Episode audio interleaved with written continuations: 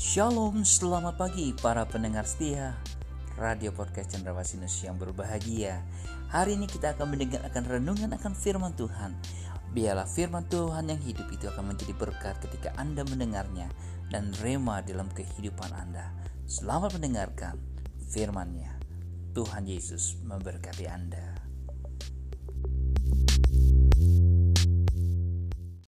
Shalom, selamat pagi saudaraku yang kekasih dalam Tuhan Yesus Kristus. Bertemu lagi dengan saya, Pendeta Ariston Rusli, dalam renungan pagi yang saya beri judul yaitu Hidup Berkenan di Hati Tuhan.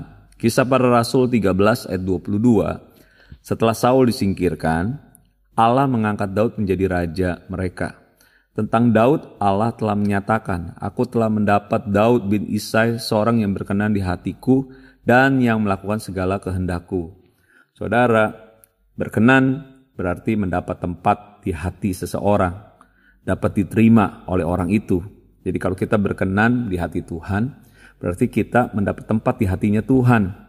Karena ada satu kerinduan yang tulus pasti dari kehidupan kita untuk menyenangkan Tuhan, bukan menyogok Tuhan supaya Tuhan mengasihi kita atau menjadi senang, bukan, tapi kita dengan tulus membawa kehidupan kita menjadi kehidupan yang menyenangkan hati Tuhan. Kalau di dalam Roma 12 dikatakan ibadah yang sejati itu adalah tentang mempersembahkan tubuh kita ini sebagai persembahan yang hidup, kudus, dan berkenan di hati Tuhan.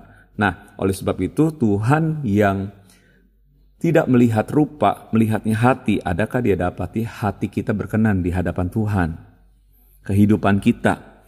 Ya, ketika Daud nggak dilirik oleh manusia, bahkan oleh ayahnya sendiri, tidak diperhitungkan secara penampilannya, tapi Tuhan jauh melihat ke dalam hati manusia, hati Daud dia melihat ini ada hati yang selalu ingin menyenangkan hati Tuhan, yang penuh kerinduan menyenangkan hati Tuhan. Hidup berkenan di hati Tuhan bukanlah tentang saudara nggak berbuat jahat, bukanlah tentang saudara hanya berbuat baik, karena di luar sana banyak saudara yang berbuat baik. Dan juga bukan hanya melakukan tugas-tugas gerejawi saja di dalam kehidupan kita. Ya karena imam-imam kepala ahli-ahli Taurat mereka juga wah jago-jago melakukan tugas itu. Lalu apa? Apa yang membuat Tuhan tersenyum? Yaitu saat kita percaya dengan segenap hati kepada Tuhan. Saat kita melakukan kehendaknya Tuhan oleh sebab itu, apa yang kita cari? Kita mau menyukakan hati Tuhan atau hati manusia? Berkenan kepada manusia atau berkenan kepada Tuhan? Biarlah apa yang kita lakukan boleh berkenan di hati Tuhan. Nah, Saul dia pernah hidup tidak berkenan di hati Tuhan saat apa? Saat dia berpikir bahwa berkenan itu menurut ukurannya dia sendiri.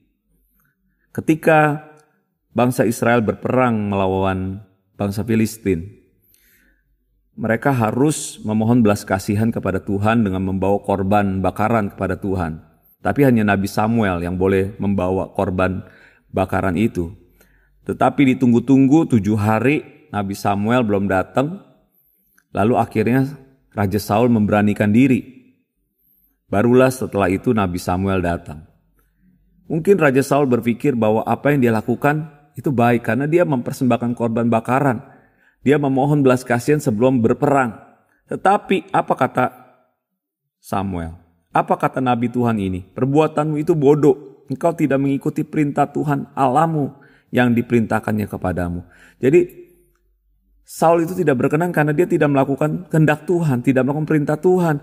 Dia hanya berpikir apa yang dia pikir itu baik menurut pandangannya sendiri. Nah, itu tidak berkenan. Lalu apalagi kisah yang selanjutnya ketika dia disuruh Tuhan untuk menumpas Raja Amalek dan seluruh ternak-ternaknya. Tapi apa yang dilakukan? Raja Amalek tidak ditumpas dan ternak-ternaknya yang baik-baik tidak ditumpas karena dia berpikir ternak itu bisa dipersembahkan buat Tuhan. Apakah Tuhan berkenan? Tidak, karena hatinya udah nggak berkenan di hati Tuhan. Hatinya itu sudah tidak mendapat tempat di hatinya Tuhan.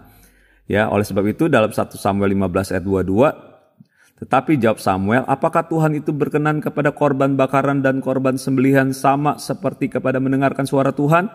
Sesungguhnya mendengarkan lebih baik daripada korban sembelihan, memperhatikan lebih baik daripada lemak domba-domba jantan. Jadi hidup yang berkenan itu adalah ketika mendengarkan suara Tuhan, melakukannya. Bukan kita membawa wah sesuatu yang baik, kita pikir itu Tuhan senang. Salah saudara. Saudara yang dikasih Tuhan, Tuhan itu udah netepin langkah-langkah kita. Ya, dalam Mazmur dikatakan Tuhan itu menetapkan langkah-langkah orang yang hidupnya berkenan kepadanya. Mari kita akan ikuti pimpinan roh Tuhan. Apa yang dia suruh, apa yang dia perintahkan, mari kita berjalan di jalan yang benar.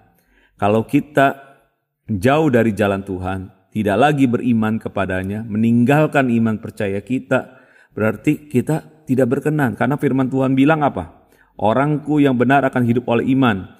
Dan apabila ia mengundurkan diri, maka aku tidak berkenan kepadanya. Saudara, mari kita jangan menjadi pribadi yang mengundurkan diri dalam iman. Karena kita tidak percaya, tidak melakukan, karena banyak e, soal-soal dalam kehidupan ini yang membuat kita nggak berkenan lagi kepada Tuhan kita Yesus Kristus. Mari kita harus percaya bahwa Allah itu Tuhan yang baik, Tuhan yang setia. Kita mau setiap hari, setiap saat kita menyenangkan hati Tuhan. Bukan dengan apa yang bisa kita bawa, tetapi dengan apa yang ada pada kita yaitu hidup kita, hati kita. Persembahkanlah buat Tuhan. Tuhan memberkati kiranya renungan pagi hari ini jadi berkat buat semua kita. God bless. Shalom. Tuhan Yesus memberkati. Amin.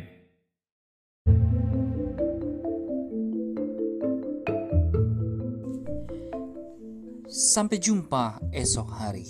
Kiranya damai sejahtera dari Allah Bapa, kecintaan kasih daripada Tuhan Yesus Kristus, dan persekutuan Roh Kudus menyertai kita mulai hari ini, esok, sampai Maranatha.